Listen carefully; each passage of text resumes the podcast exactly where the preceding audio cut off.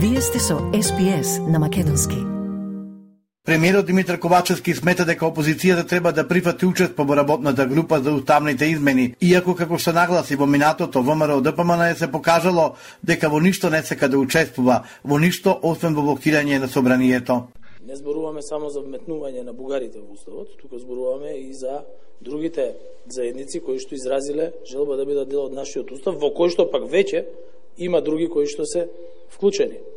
А, таа работна група нормално дека ќе вклучува експерти по уставно право, правници и ќе бидат повикани и представници, исто така експерти од политичките партии, што значи од опозицијата. На новинарско прашање, премиерот Ковачевски повтори дека за процесот на уставните измени следна фаза е формирањето експертска работна група, што ќе биде координирано од Министерството за правда, со цел подготвување на амандманите, пошто ќе има широка јавна расправа, а потоа и парламентарна, во неколку чекори, вклучително и двотретинско и апсолутно мнозинство. Откако ќе бидат утврдени амандманите, појасни премиерот Ковачевски, тогаш ќе бидат ставени на увид и на широка расправа во општеството, помеѓу академската, бизнис заедницата, невлади невладините организации, медиумите, граѓаните, за да може сите да го кажат своето мислење. Потоа следува фаза нормално на парламентарна дебата во неколку чекори, кои што вклучуваат изботретинско и абсолютно мнозинство во однос на носење на уставните измени, изјави премиерот Ковачевски. За ВМРО ДПМН е прашањето за уставните измени е абсолвирано и треба да се затвори.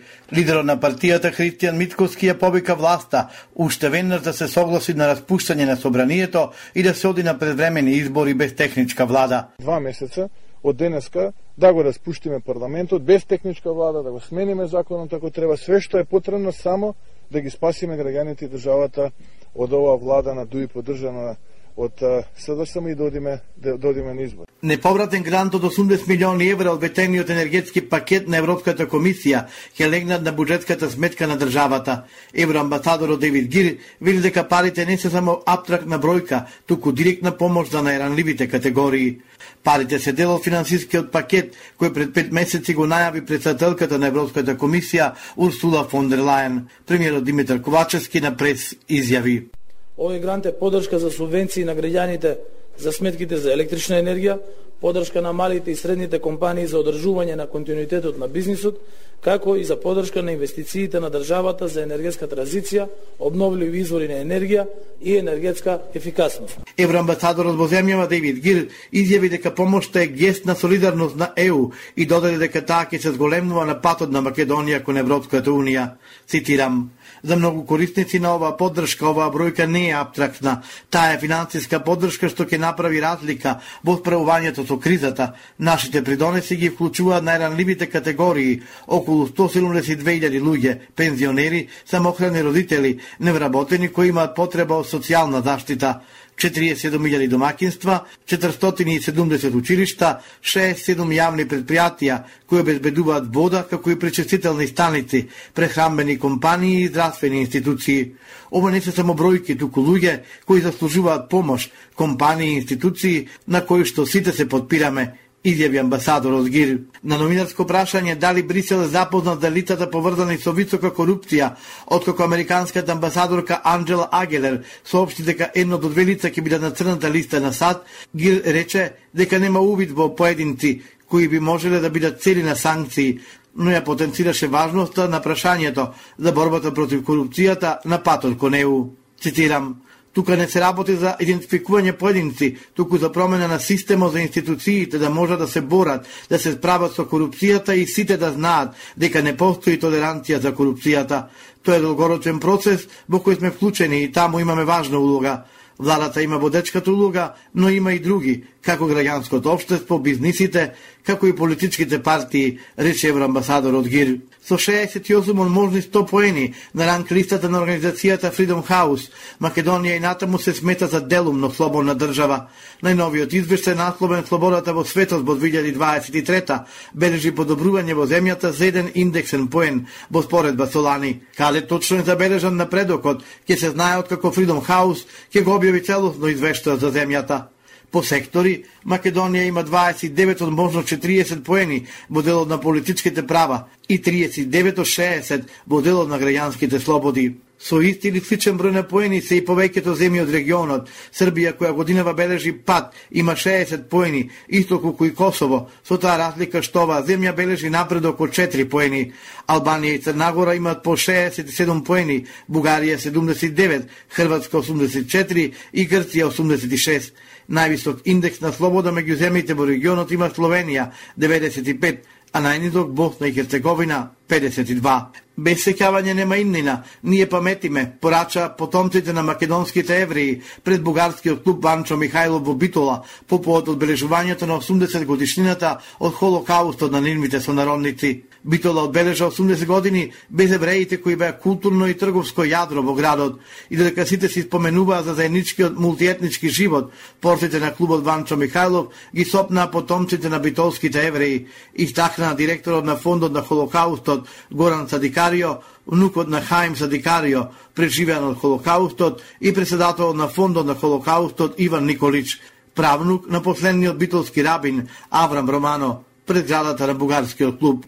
Историјата памети дека ноќта меѓу 10 и 11 март 1943 година еврејските населби во Битола, Штип и Скопје биле обколени со бугарска војска и полиција. Во раните утрински часови на 11 март да започнало собирањето на евреите кои ќе бидат префрлени во државниот монопол во Скопје, окаде што во три наврати депортирани во логорот Треблинка во окупирана Полска.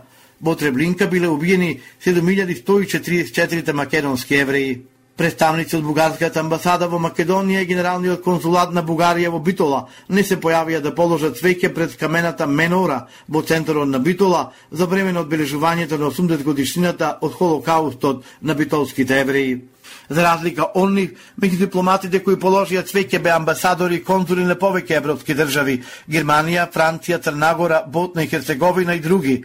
Пепо Леви, председател на еврејската зеница во Битола, изјави дека испратиле покани до сите амбасади и конзулати во земјава. Полицијата уопси две лица кои се осомничени за киднапирањето на Самуил Костадиновски, внуку на Љубе Бочковски, објави Ајденон. Уапсените заедно со кривичната пријава против нив се проследени пред судијата на предходна постапка, кој треба да одлучи дали ќе им одреди и притвор. Самуил Костадиновски за беше пријавен од неговиот брат, Тој е внук од братот на Виолета, сопруга на Љубе Бошковски. Ке се замрзнат цените на тестенините и на одредени млечни производи, најави министерот за економија Крешник Бектеши. Над 10% ќе има е, намалување во делот на тестенините, во делот на млечните производи ќе оставиме за утре, за да не се подготват, пошто гледам и самите ги намалуваат, а ги повикувам до утре да направите истиче кори како што направија одредени компании пошто сакаме тие првично да покажуваат обштествена е, одговорност. Во случај ако се приметува дека нема намалување на тие производи, ќе донесеме ние како е, влада. Обезбеден е леко три кафта за 8 пациенти со цистична фиброза, од кои двајца во тешка состојба, соопшти министерот за здравство Фатмир Меджити. Леко ќе го примаат 7 возрастни пациенти и едно дете. Шест пациенти ќе го добиваат лекот на клиниката за детски болести, а двајца на клиниката за пулмологија.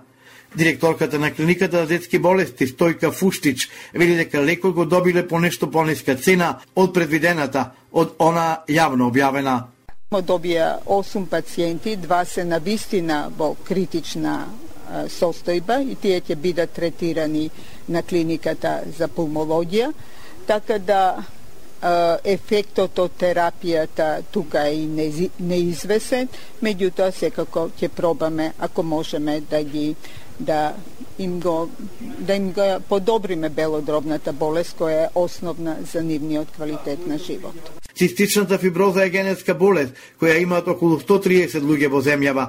Тешко ги напаѓа белите дробови и панкреасот и напредува како што минуваат годините. Датоа пациентите се млади, а нивниот животен век краток нова се промени со новиот лек пронајден пред 4 години, кој ги брише симптомите на болеста, па луѓето со цистична фиброза може да живеат како останатите граѓани. Стиснете, ми се допаѓа, споделете, коментирајте. Следете ја SPS на Македонски на Facebook.